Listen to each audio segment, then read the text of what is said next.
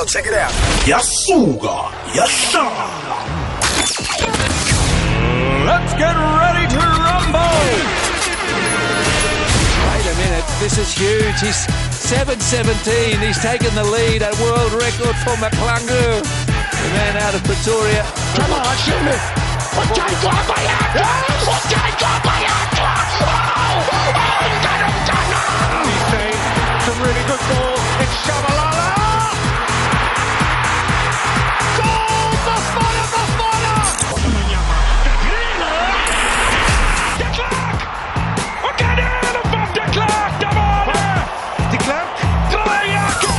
Waraha wavimba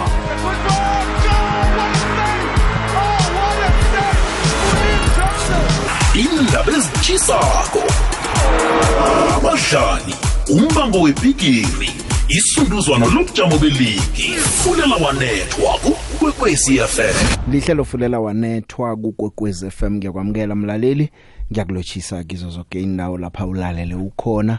Ukuhamba kamnandi no Big Joe. Ukuhamba bekubethe hour lesithandathu ke eh sichecha indaba ezikhamba phambili ngezemidlalo. Zikhona indaba ziningi nebafana bafana isekampeni eh kunengi nje okukhona. Kodwa ke ngifikela ukuthi ke njengoba sazi nje ukuthi namhlanje kulanga lamalungelo wobuntu human rights day eh kunabantu abenza ukuthi amalungelo esinawo namhlanje kuyo yonke imkhakha sibe nayo. Kunabantu abawalelako kunabantu abawafelako eh kunabantu nje ababazi ingorho abafaka eh, amandla baba namagalelo azwakalako. Ekutheni namhlanje sibe la sikhona. Kunezehlakalo begodu ezingasenza sikhumbule ukuthi hey konje sibuyapi besibe khona namhlanje. Okhona ke ukuzibona ukuthi zathi zingenzeka kwaba nezinto ezichugulukako eh ngakelinye ihlangothi eh lezemidlalo. Ngiyafuna ukuthi ke sivakatshele into ezinjengalezo. Na umuntu nomkhumbulo nokho eh ongathi usakhona ukubuyela ucala emva eh uzozikhumbula nje ezinye zezinto eh ezakhe zenzeka kezemidlalo eSouth Africa nabanye abantu esakhe sabanabo kezemidlalo eSouth Africa eh ngingase nje ngikubalele isibonelo eh uzokukhumbula eh Oppenheimer Stadium ngomhla ka 1991 ngonyaka ka 1991 kwakuzini 13 lapha ke kwenzeka ihlekelele kwabhubha abalandeli bebhola abaningi balimala. Abantu bagadangana lapha eOppenheimer Stadium eNorthwest eOkney kwakudlala isichema seChiefs neOrlando Pirates. Ngokunye nje zezinto engicabanga ukuthi na uqala emva uzokhumbula ukuthi hey sibuya phi sibabantu? Elispark angisayikhulumi ke leyo kwakuzini 11 zika April 2001 eh umdlalo lo waba nomthelela omkhulu kwabe kwaba khona nesiqundo esathathwako ukuthi iChiefs neOrlando Pirates azisakudlala phakathi kweveke begodu azizukudlala ebusuku. Eh uyabona nje ukuthi izinto ezinye ezabumba eh lebholo eragwako esikiyo. Eh ungabale mva ukhumbule nabantu eh kukhona indoda la eh nguChina Ngema. uChina Ngema eh indaba khona noma ke ngingayibambi kuhle kodwa ngiyakhumbula man kuno China Ngema indoda yavela eh ilinyaziwe kuthiwa ihlatshwe ngomukhwa indaba zabo AC Mnini kuswalosi ubathi ufuna ukuthatha abadlali ubasaphi njalo njalo. Ungabakhohlwa njani abantu abanjengalabo? Ungakhohlwa njani isichema seOrlando Pirates nasithumba iCAF Champions League ngo1995 abo Mark Fitch bana mabhandiche ehloko. Into ezinjengalezo zizinto ezibumbe eh ngoba izehlakalo ziyenzeka bese siyafunda ngazo sikhule. Manje ngelanga lamalungelo obuntu nje kimi ngiyafika ukuthi ake sicale emva sizicale into ezinjengalezo. Sibaqala abantu abafana nabo Abdul Bamji. Abdul Bamji yena ongazo Abdul Bamji awuyazi PRO eyayikwazi ukuzalisa itatawu swi swi swi swi swi. Ya ngoAbdul Bamji. Bakhona bamaziko. Eh uBamji eh ngomunye wabasunguli beNSL NSL yahlukana eh, lapha neNational Professional Soccer League ngo1985 kwayokuvulwa iNSL zasuka. Ubhamji kunguye ozidosa phambili kodwa nako kubhlungu kuthi zange aqeda kuhle ngo1991 watholakala mlando bewagwetjwa eh kwalahleka 6.5 million rand engikhwameni zayo iNSL leyo.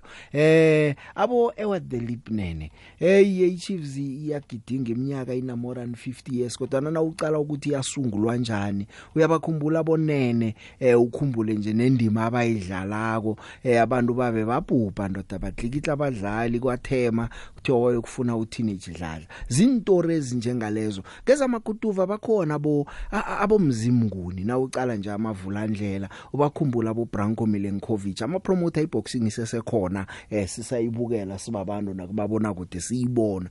Zinengi izinto. Kumakhakola ragwe abanye abolui late angazi uyamazi ului late na. Noma ke kugcineni imlando abanye ibaveza njengama villains kodwa kunendima abayidlalako ukuthi sifike lapha sikhona. Bo Hansi Kronje Hansi Kronje kwavela iskandal kaze singangani se match fixing. Kwaba bhlungu ukubona umuntu esasizikhakhazisa ngaye ku cricket eSouth Africa bese ngelinye ilanga kuzokubonakala kunje. Kezogijima na umuntu ama athletics uzobakhumbula bo Jacqueline Zimande ngazi ngamazi Jacqueline Zimande na. Jacqueline Zimande ngomunye wabantu ababegijima hle bala eSouth Africa eh mabangeni amafitshani abo Willie Mtolo. Ungabuyele emva bo Leopen Fall Mtswara Teu zinto ezinjengalezi ngifuna ukuthi namhlanje ke sikhumbuzane. Na unesehlakalo namtjana unomdlali unomuntu omkhumbulako ngalezi yangikhathi eh ongatsho ukuthi silapha sikhona nje babantu abahlagako lapha. Ebholini ragwako imali yayingasingaka ni kodwa abantu badlala ibholo badlala ngokukhulu ukuzimisela banengi abadlali. Na ungacala nje ungabala manje uzobakhumbula kunabadlali sakusaba nabo abo Humphrey Mlwana abo Madoda Nkosi eh abo Mbavumani sengibala nje abaseduze abanye abangabakhumbula nje abantu abanangikhuluma nabo. Abo Joseph Sbi abo Percy Nxumalo sengikubuyisela nje ku ACS ngikubalele yona eLaidus banengi abantu ongabakhumbula namhlanje uthi ukuthi eh ibholo yethu ilapha ekhona nje abantu abathoma ukuyigijima indlela leyisesenameva ngilaba. Amagudu vethu ababela nje kunabantu abathoma uyikhamba indlela le isese nameva abo tap tap makhathini ihloko le. Ya ngabe ngikhulume bekuphele ihlelo. Lihlelo fulela wanetho umhajo igwegweza FM ngifuna namhlanje eh hlangana nezinye izinto engiziphethe kwezi. Ke sibuyele emva siyokucala. Nawe asikhumbuzane nawe kukhona okwaziko lapha ukhona eh ngelanga lamalungelo obuntu nje. Ngehlangothini lezemidlalo sezizoke angitsho ibhola ragwako eh ungavela nawe na une yakho indaba nesakho istory osaziko ubuye usitshele la sisicocelane sinawo mathumi amane weminyaka yomkhanyo. Yethu mlaleli lotsha mlaleli unombalezi ulive nkikana la kokwezi FM uklase urisho sana nginzenze phezulu ke lenye. Okay matimbos okay bo baby kuphi? Lafika khona umphathi omkhulukazi kokwez FM nginguzinto bhisho wamsweni la ngithi khona what's up? Empumalanga silalela umbuzana kokozi FM limonono ready se wena mbuzana nationwide siku 107.6 1098 nakumina wave 1404 91.8 kumfundisi wentshabatshaba the intercontinental pastor the minister of the masses ubra nangemva kweminyaka le lapho sikhona kunokukhanya #umkhanyo mathumi wamambala. Amane weminyaka yomkhanyo angena amakhosi kwamabhoko ongawaziko ye ubuze sikutshele thina kumaphopholo bagega baba ngavuka umashile komzenzi mza wami angifuna ukukhuluma kulo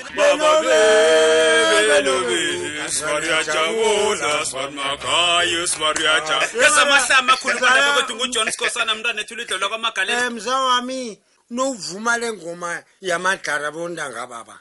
Uyivuma dlavudlavu. Uthi ngathi ngiselihlohla mza wami. Ya, yazi man. uyahuka wena mabhobhoda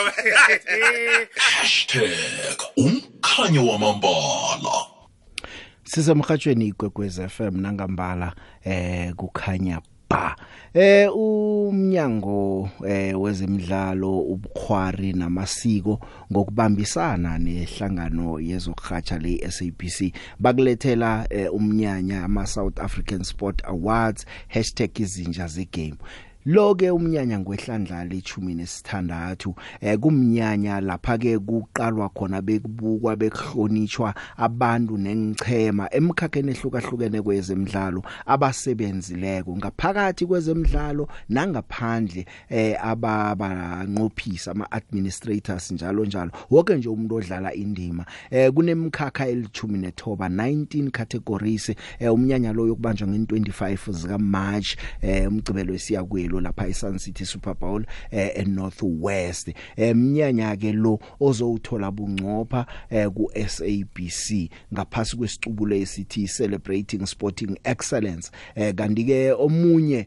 wemkhakha okhona lapho iPeople's Choice kulapha ke nawe thola ithuba lokuthi uzivotele ukuthi uvotela abani ombona asebenze kuhle. Na ufunako eh na ukudlala indima kulomkhakha eh ungadayela lapha ke u star 120 star 32020 hash. Ngiyayibuyelela. Star 120 star 32020 hash. Ulandele ngeledere lomuntu omkhethako ukuthi eh, athumbe umkhakha we people's choice. Abantu abakhethiweko na ufaka uA ngurefelwe jane ku B kuno ayabonga khakha ku C kuno Tajana Schoonmaker ku D kuno Themba Zwane ku E kuno Katlego Rabada. Awufaka igama lomuntu ufaka nje ialphabet. Na uvotela uRefilo Jani uyokufaka uA na uvotela uayabonga khakha uyokufaka uB na uvotela uTajana Schoonmaker uyokufaka lapha ke eh, uC na uvotela uThemba Zwane uyokufaka lapha ke uD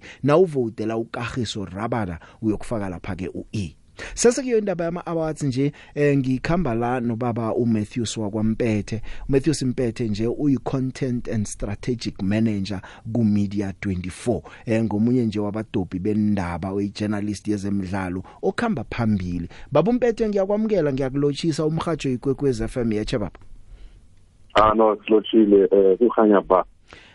Kukhanya ba. Eh sigidinga iminyaka emachuma amane baba umpethe ikwekwezi le ikhula khulile 40 years ubuyapi nayo wena ikwekwezi le Yeah no ikhule kakhulu um iyazi ukuthi no ngala ngisebenza ne ikwekwezi for for for for many years and I would like to say uh, happy birthday and um, may it grow grow further than this siyathokoza baba umpethe yanamhlanje ngithe yakhe ngikudobe esikhulume ngama awards la sicale imkhakha ehlukahlukeneko ke sibone nje ukuthi wena na ucale ko ubona ukuthi kungenzekani. Eh ngibona nawe ukhona ukhona nawe ehlangana nabo ngikhethani lapha kumele bawina abonongorwana kwakho umkhakha. Kodwa ngaphambi kokuthi siye kiyo eh indaba le yama awards ngiba ukuthi ngithengise eh ukwenzela ukuthi sikwazi ukuyiraga kuhle intolo sezidlulile. Phakathi ko-90.6 no-107.7 fm uthola umhajo okukhanyisela ngamalanga. Ikwekwezi fm kukhanya ba mudimulle 90.6 fm ukuya edalstrom 107.7 fm kukhanyisa ikwekwezi fm #umkhanyo ukhona.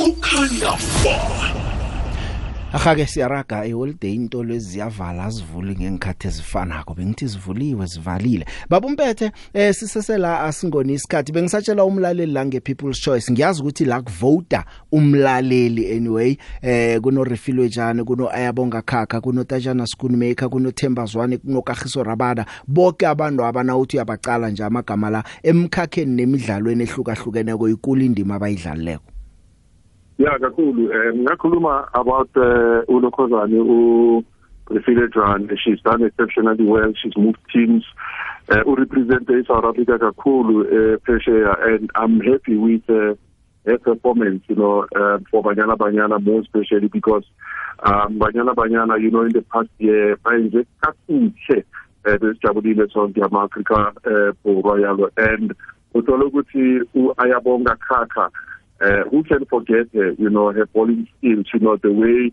they're performing ngakhona and uh, Tajana Skuma Schoonmaker eh onke umuntu uyakhumbula kuma Olympics ukuthi uyenze kanjani and uh bathi uzibuyele ku medal wefawuta lapho and Themba Zwane eh uzakhumbula ukuthi Themba Zwane I think it's just regained his form especially after ukuthi urulani mokwena athathe ilokhozane emamelodi sundowns. Kwamanje Chambers one is uh, having the best of uh, his career after Peter Musimani left, and Kwamanje, I think, he's also represented well. And Kagiso Rabada, he's had his uh, ups and downs, Uzakumbula uh, because there were some um, errors, you know, that came from him, but uh, still he was one of the uh, best players. So if you ask me, you know, on this uh, uh, category, I would look at, uh, you know, uh, players like Ayabonga Kaka, as well as uh,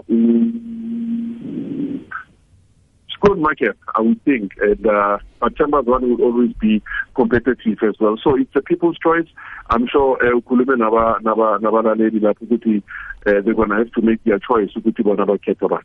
ngibatshelile kubhlungu ukuthi ke la kuvote abalaleli eh sekuya ngokuthi ngibani abalaleli nabathandi bezemidlalo abamthande ekhulu ukudlula omunye.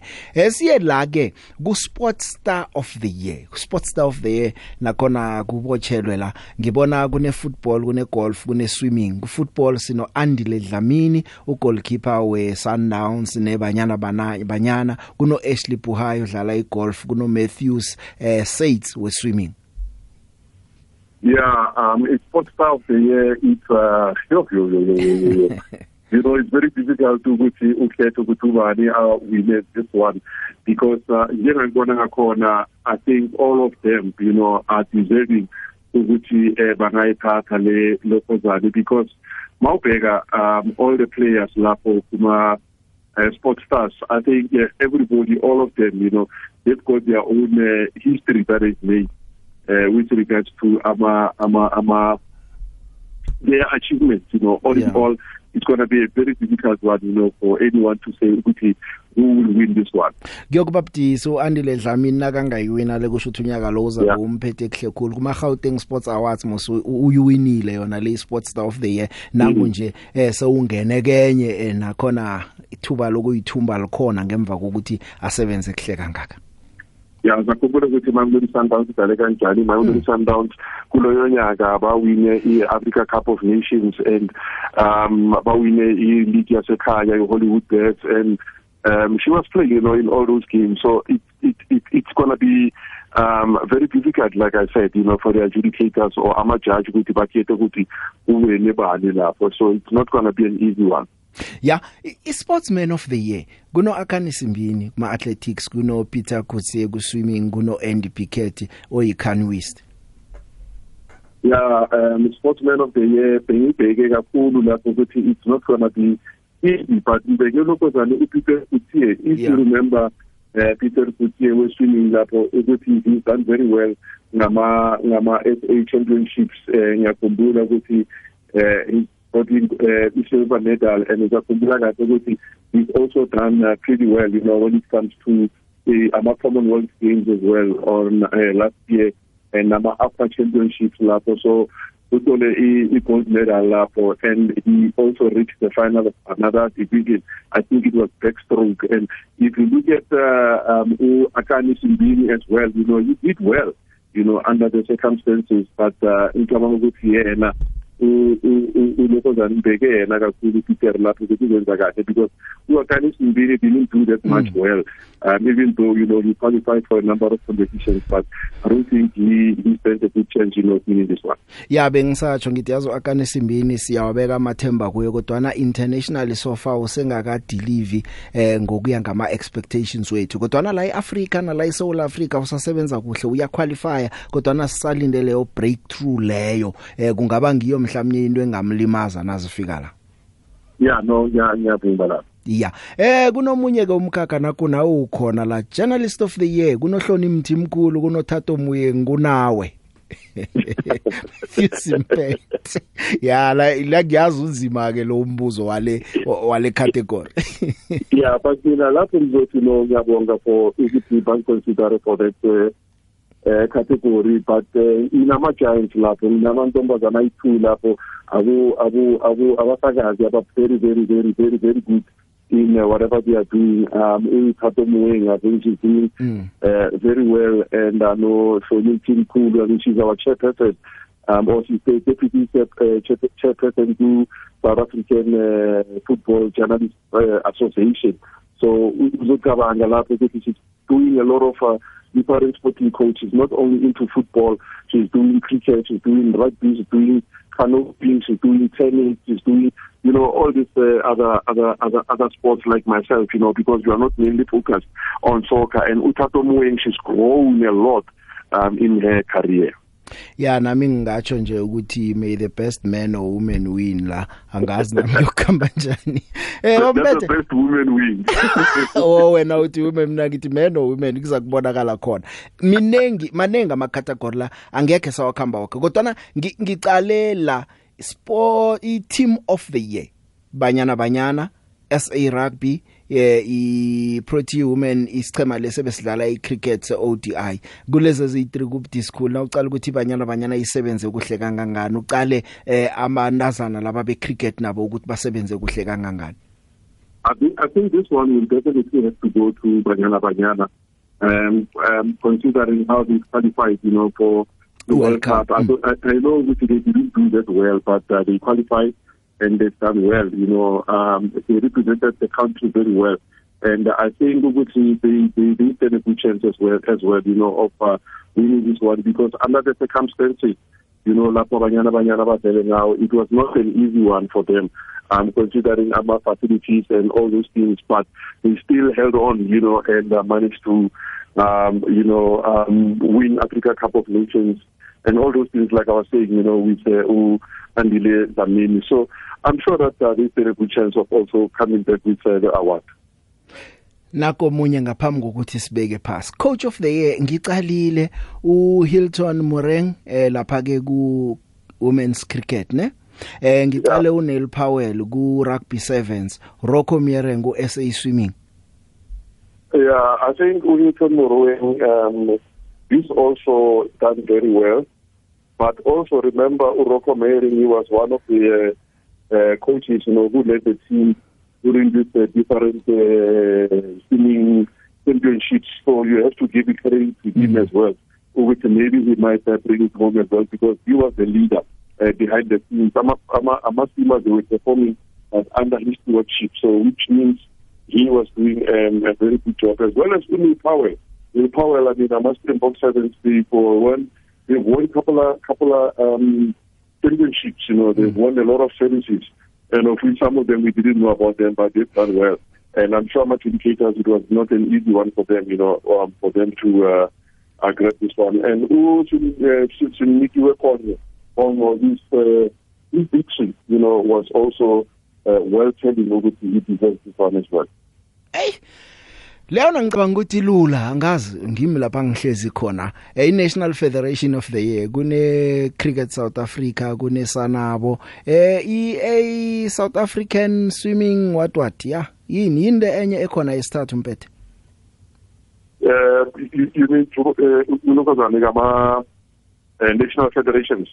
yeah ama National Federations yeah Yeah, it's cricket and Sanabo it's uh, the body yaka i- i- boxing lapho Yes. and uh, the swimming again. You know, swimming Sanabo again. South African um, national boxing organization. So they are the ones, you know, who have also um, done well. But cricket South Africa, I think uh, they, they they stand a good chance, you know, of uh, winning this one because of uh, you know towards the end of uh, the period, the match judging period, you know, that's when the Proteas managed to recover. But the Proteas didn't excite it that much. So if it was me, I was going to give it to uh, um, um, um, Swimming. swimming.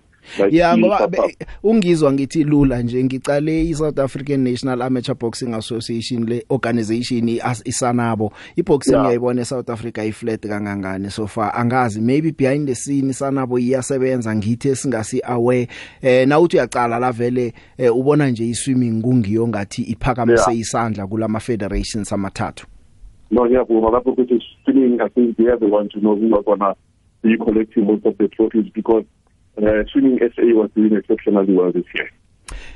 minengi kodwa ngifuna nakomunye engazi ukuthi nawo uyokuba budisi. Sportsman of the year with disability. Kumbi. U- u- uChristian Sadi ku swimming simbonile ukuthi usebenze kangangani uChristian. Eh kube no Ronald Rampati ku wheelchair tennis. Eh ngu Jonathan Ntuthu ku athletics angazi ukuthi nawe adjudicator ukhetha bani la? Um, uRonald Rampali, I think he's the one, you know, who's, uh, I think I have to go with him, you know, because of uh, the performance that I, I, I, I, I realized. Bampethe ngithokozile ukukhuluma nathi namhlanje nawe ngikufisela okuhle kodwa ngiyazi semanenge ama awards wathumbileko kodwa na ngeke abe enough ama awards nakuthi ithathe i journalist of the year ithathe babana bakuphe yona Thank you very much. And again, Alikhanye, the station is kukhanya bang ngithokozile Thank you.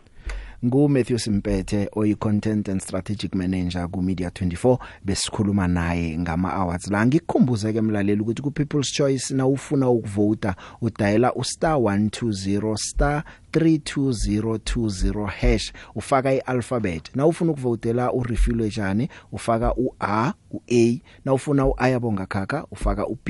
Na ufuna uTajana Schoonmaker ufaka lapha ke uC. Na ufuna uThemba Zwane ufaka uD. Na ufuna uKagiso Rabada ufaka uE. Lihlelo fulela wanethwa umhajo igwegwezi FM fulela wanethwa.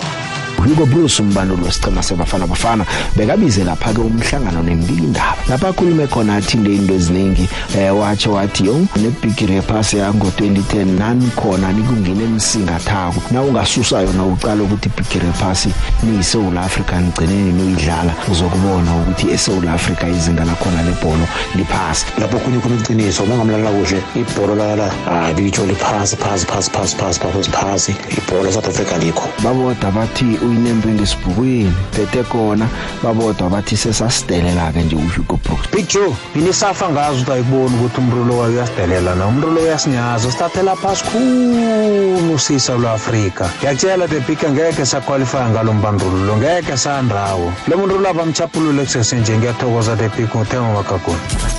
Dlala dlala big joe. Asidlali la. Ezemidlalo kufunela wanethwa. Ya siyakhamba ke singe sizokuya indabeni ethu le ngikubawe yona. Eh nangihlezi la ngiyakhumbula ngithi hey madoda sakhe sabanobo Joost van der Westhuizen.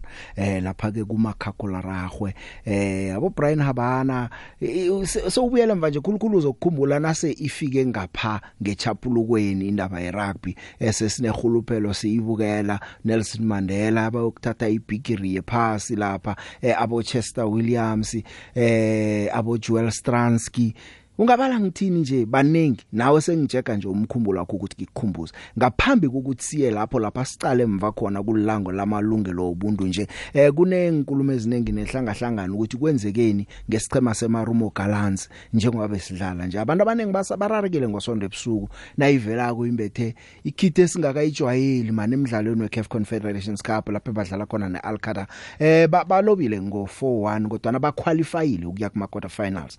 Kodwa ke kuzwa indaba zokuthi bakatelele ukuthi bokuthenga ikhiteja ngaphambi kokuthoma komdlalo kusele nje ama awanyana ngebanga lokuthi ebayimbathako le ilahleke bayichiye Turkey bavaye eTurkey ngathi nabakhamba kokimthwalo yasale eTurkey baconnecta lapho bachinga eLibya basuka eIstanbul. Igere yasala lapho ke eh inraro batsho ibe mnengi man abane babadlali nabo bagcine basele eTurkey zange bajoine isichemesi eh ngulebogang maboja nguranga Chivaviro ngulitsi ekwabheng nomahlatsi magudubela manje awazi ukuthi basele njani khana bebangakahleli kuhle isichemesi khani bekozana nabo bakhamba bafunda into ezabakazijayeli nabo ukukhamba bayihlabe enyuka eba emaphaliswaneni ngaphana ngapha eh manje ke kuzwakala nje indaba ezivela kwabadlali abanye batsho bahlezi isikhathi bangadli baloku bahleze airport lapha eTurkey. Eh bagcine nje badlala umdlalo kunabadlali abathathu kuphela ebhankeni eh umdlalo upheze wajanyiswa isicheme sibe sithina sisadlala sifuna ukova start amaphuzu nifike lada.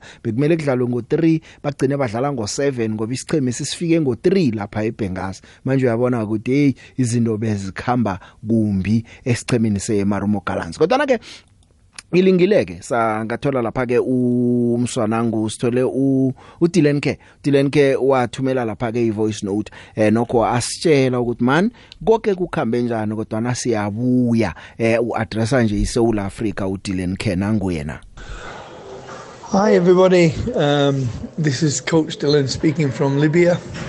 Yes, we're still in Benghazi. We're hoping to fly tomorrow. Um, yeah, it's been it's been uh, an emotion of wasted time. You know, getting here, things that happened to us were not very good, um, but we managed to get here. Unbeknown to us, when we arrived, we were supposed to play at three o'clock, but because of the flights or the lack of flights, we only could arrive here at four o'clock. So we have a CAF member, Mr. Bailey, our general manager, Rufus, and they sat with the CAF organising committee member, the match commissioner, and they spoke about you know the the game. Our Libyan counterparts wanted us suspended, and they wanted the game cancelled, and them get the three points, which we fought against, and quite rightly so, because not only did we not uh, get into like Libya on time, neither did the match officials. So that was um, that's the situation. So when we landed, instead of going to the hotel, we went straight to the stadium and were told we had to play at seven o'clock. The kit issue was lost in transit. It was outside the airport and we weren't able to get the kit. So, again, using our common sense, we phoned through to Rufus to go out and buy a new kit, which was fantastic because there's a nice Adidas shop in Libya, in Benghazi. The game itself, we cannot look at the result. Um, the 4 1 result, yes, it looks bad, but my players were absolutely amazing. From what they've been through from leaving Johannesburg on, on Thursday evening at 5 o'clock to landing in Benghazi on Sunday afternoon at 4 o'clock, what my players went through, they were fantastic. They were a credit to the football club, credit to themselves and their families, credit to me as coach and the technical team, and also they were credit to South African football because they acted very, very professionally and they played brilliantly, absolutely brilliantly. We made four mistakes with a squad of only 12 outfield players and one goalkeeper. One player had not played for two months, and we had to put him on after 10 minutes because one other player got injured. And like I said, the, the, the, the score wasn't a reflection on the game, but the, the, the players were absolutely fantastic. Believe me, they played. They played. So yes, so hopefully now uh, everything's confirmed that we fly tomorrow from Benghazi to Istanbul, and then hopefully we'll be in Joburg uh, no later than Thursday. Anyway, everyone in South Africa, I'd like to say hello, stay safe, stay well, and hopefully everybody's good back in the studio. Akake nguDylan Care eh uthumele ivoice note leyo ke nasithi sile ngokubuza lapho ukuthi kanti kwenzekani lapho? Eh wathi jamani nginigadangisele nginiqoqele ukuthi kukhambe njani. Kungendlela zikhambe ngakhona. Imizuzu imachuma amabili ngaphambi kwehour lesithandathu eh ke ngidlala ama voice note usicoce sinawe emlaleli. Kunengi okwenzekileko emlandweni webhola eragwako kunengi okwenzekileko emidlalweni seyoke ku cricket kezokugijima kumakhakhula ragwe eh ngingakutshela ngithini nje? Eh kunengi namaguduva.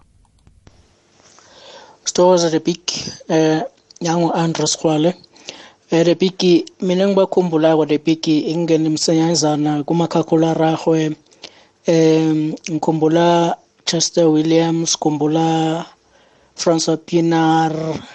Eh ngeze the big eh epolweni ragwako eh ngakhohlwa njani the big Leslie Manyachela Gefle Remy Thomas Madihage Gavin Lane Stability ngize cricket the big bo Paul Adams umsaka baphosa kopa kopa the big Lance Lusner Paul eh Lance Lusner abanye sengibalibele the big ngokusho njalo ngithokoza the big siyathokoza kodwa uyezwa ukuthi usesemutsha lo ukhumbula eduza umkhumbula uyile kude usukhona eduza. Eh siyathokoza naye. Ngabakhumbula akazokuthi ngelinye ilanga atshela abantu ukuthi hey kwakopa nabantu abanje ebholeni ragwako eSouth Africa Big Joe ya umahlango etukulugo la eMiddelburg Elias Mahlangu eTokologo eMiddelburg ya masibuyele emuva mfo hey khumbula iboxing lapha yayimnani ngaleza nkathi madoda.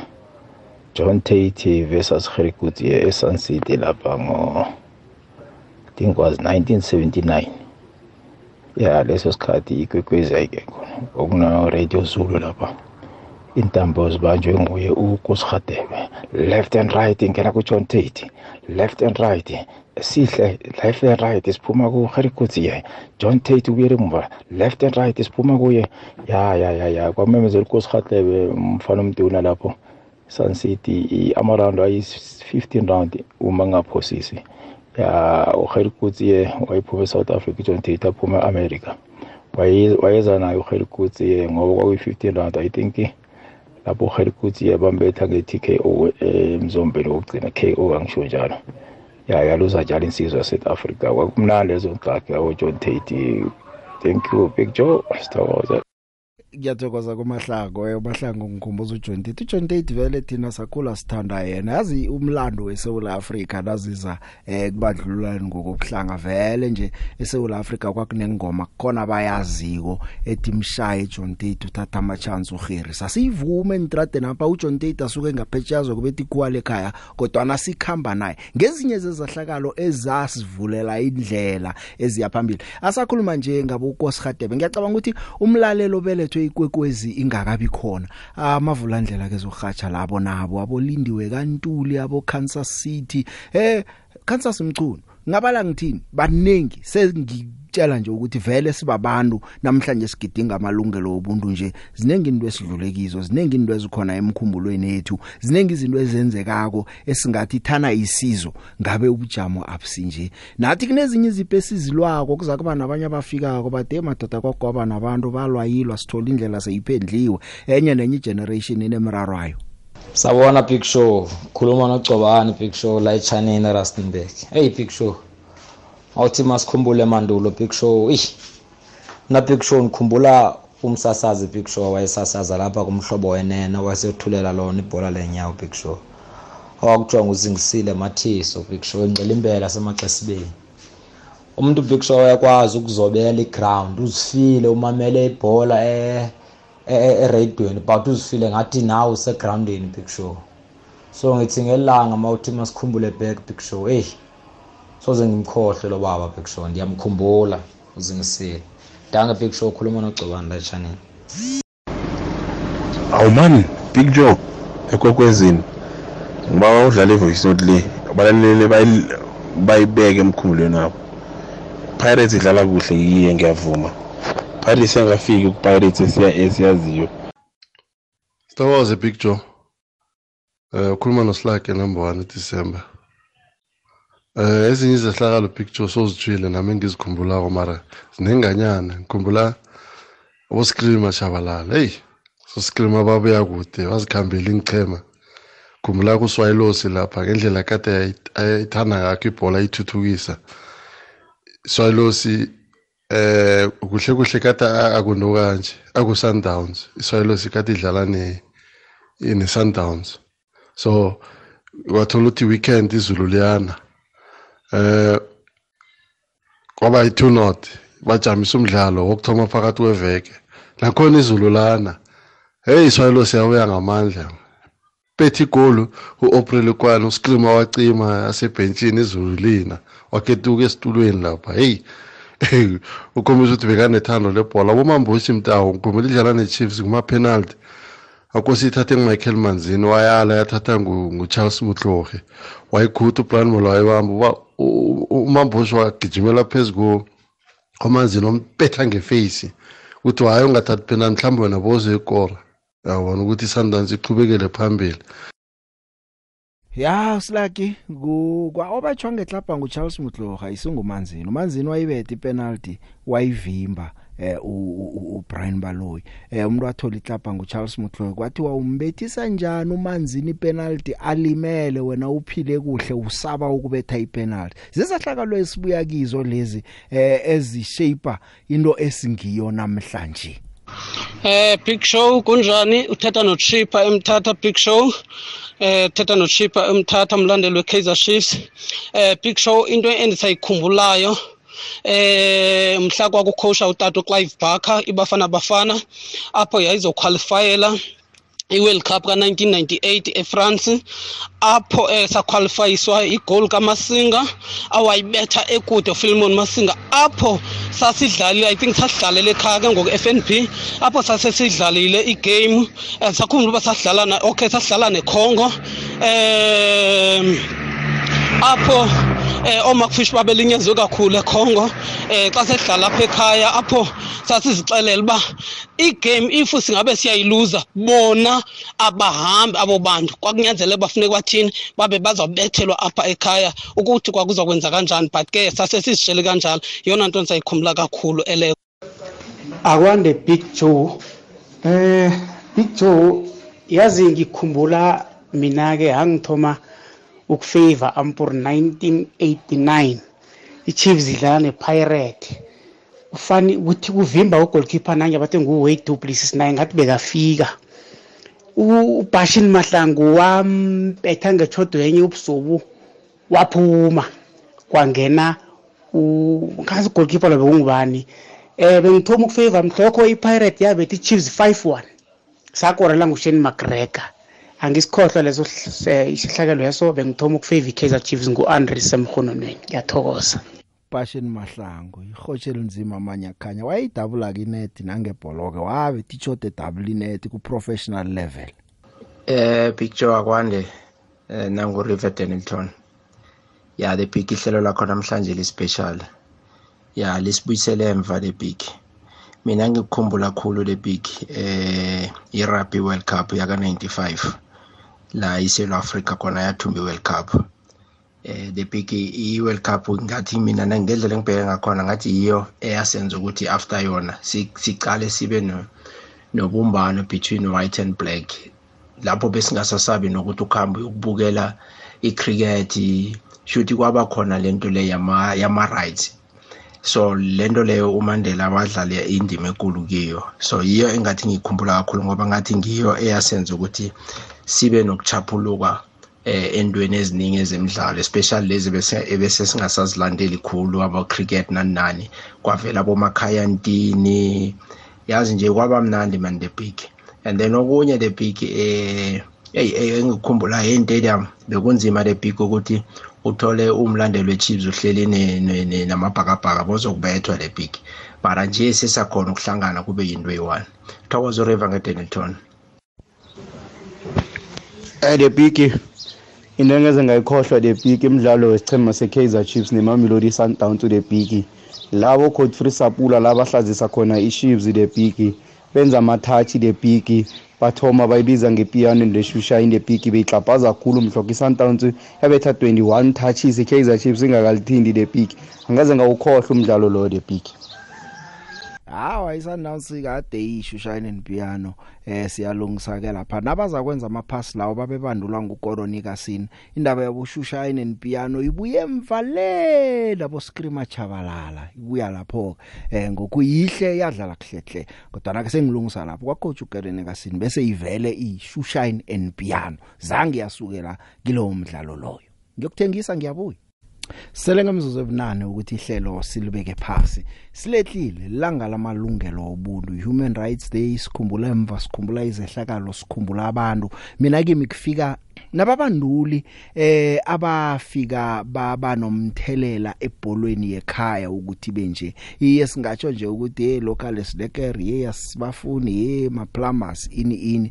Eh kodwa kunababanduli abafikako labo Geoffrey Clalton eh bakhona ababanduli abayenza ko into ngabaluthi nje eh abo Jeff Butler eh ubuyele ku Paul Doleza abo criminal ya idliwe iklapa nabambuza kathi ask Dr Kumalo ku Paul Doleza wakwabiza usizo wathi sizwe icriminal abiza bo Musi Ajawa ngama big animal. Wabandula iChiefs wayibandula neSundowns. nguPaul Doleza hlangana nabanye. Ngithi ngilabo kuphela. Nawe na unabo bakhumbulako eh siza kuzwa ngawe. Siyaraga lihlelo fulela wanetha sesiyange kulisongeni Eh the big kunjani? Angirehe ngilemloto la.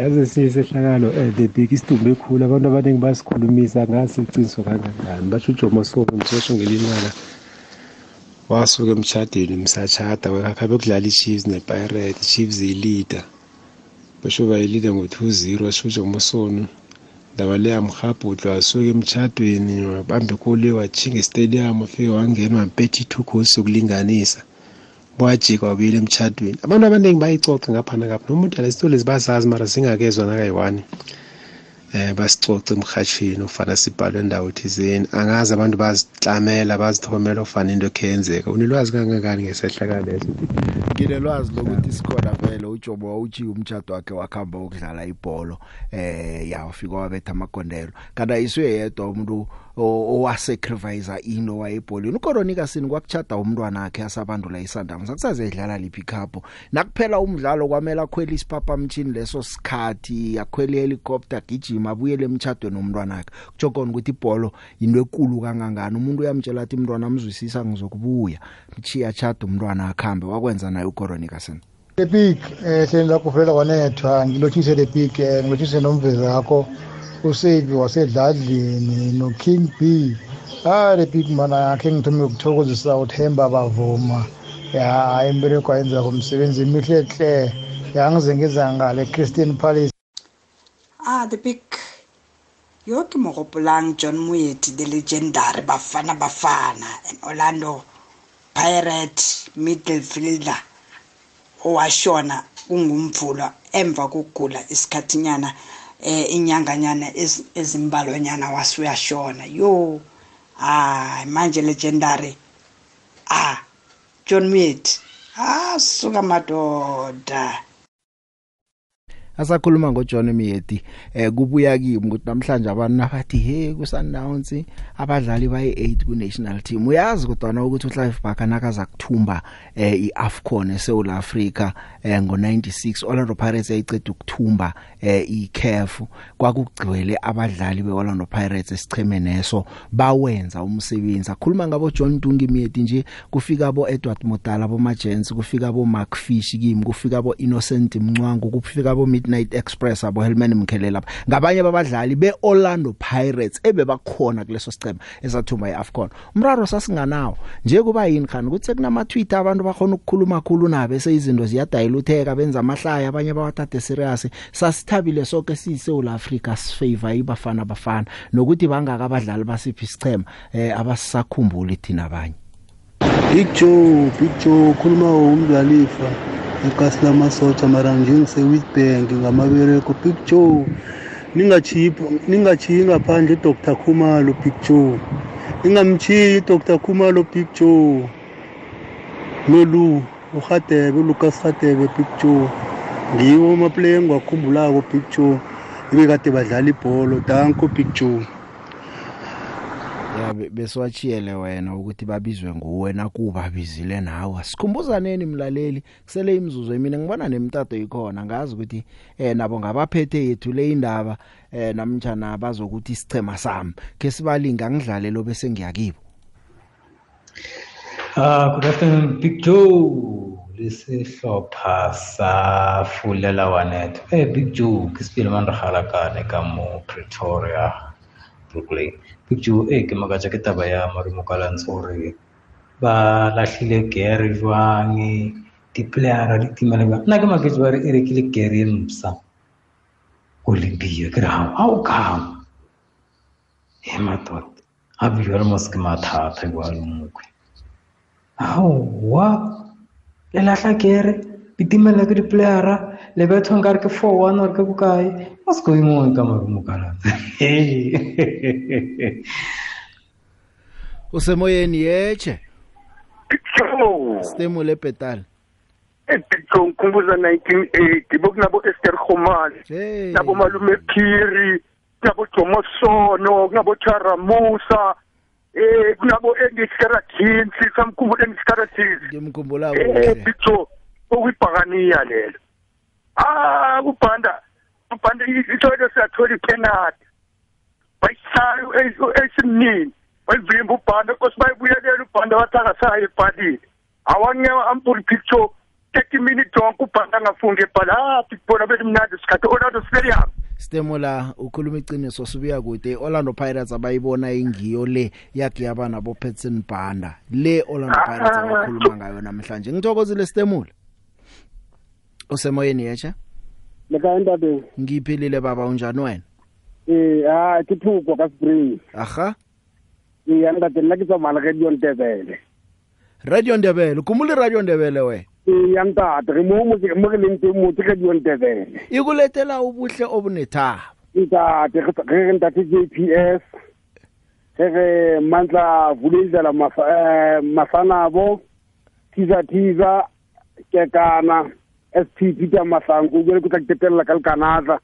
Ke be ke re ntate ya rona setong bonane hey monna ka tswa hole le batho bano ntate. Ke bona re so ke bona ke re diontebele ntate. Thana isibo ngaba sikho lapha ha ke babuthuka na mantswe ha ke na mantswe a mangata ge le nna nke ke siele ba bang morena a ka se ke a leboa mokgotsi. Ngiyathokoza baba.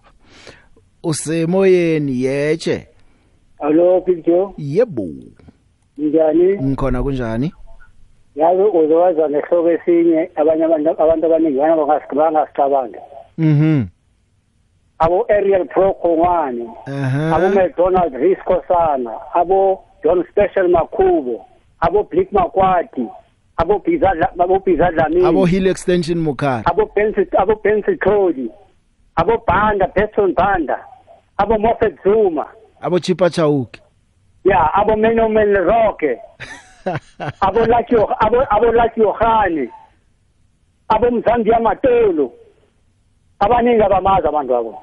Vele abanengi abamazi ngilithuba lele benginifuna ukuthi nivele sikhumbuzane nisibuyisele emuva. Eh ngoba vane ngitsho ngithi ama generations ngama generations abuka into abayibonileko. Ye madoda kunezinye izinto esakhe sazibona nathi emva lebholeni ragwa bengigcine ngokuthi boy boy Kaizer Mutawu boy yadlala ngo left ya ngithi Ephraim Jomoson angeke ubacede kuthokozile isikhathi sikhambile. Alright alright alright big. Sharp. Mlaleli ngithokozile bekumnandi ukuditsha nawe ulicedelele kamnandi ilanga lakho lamalungelo obuntu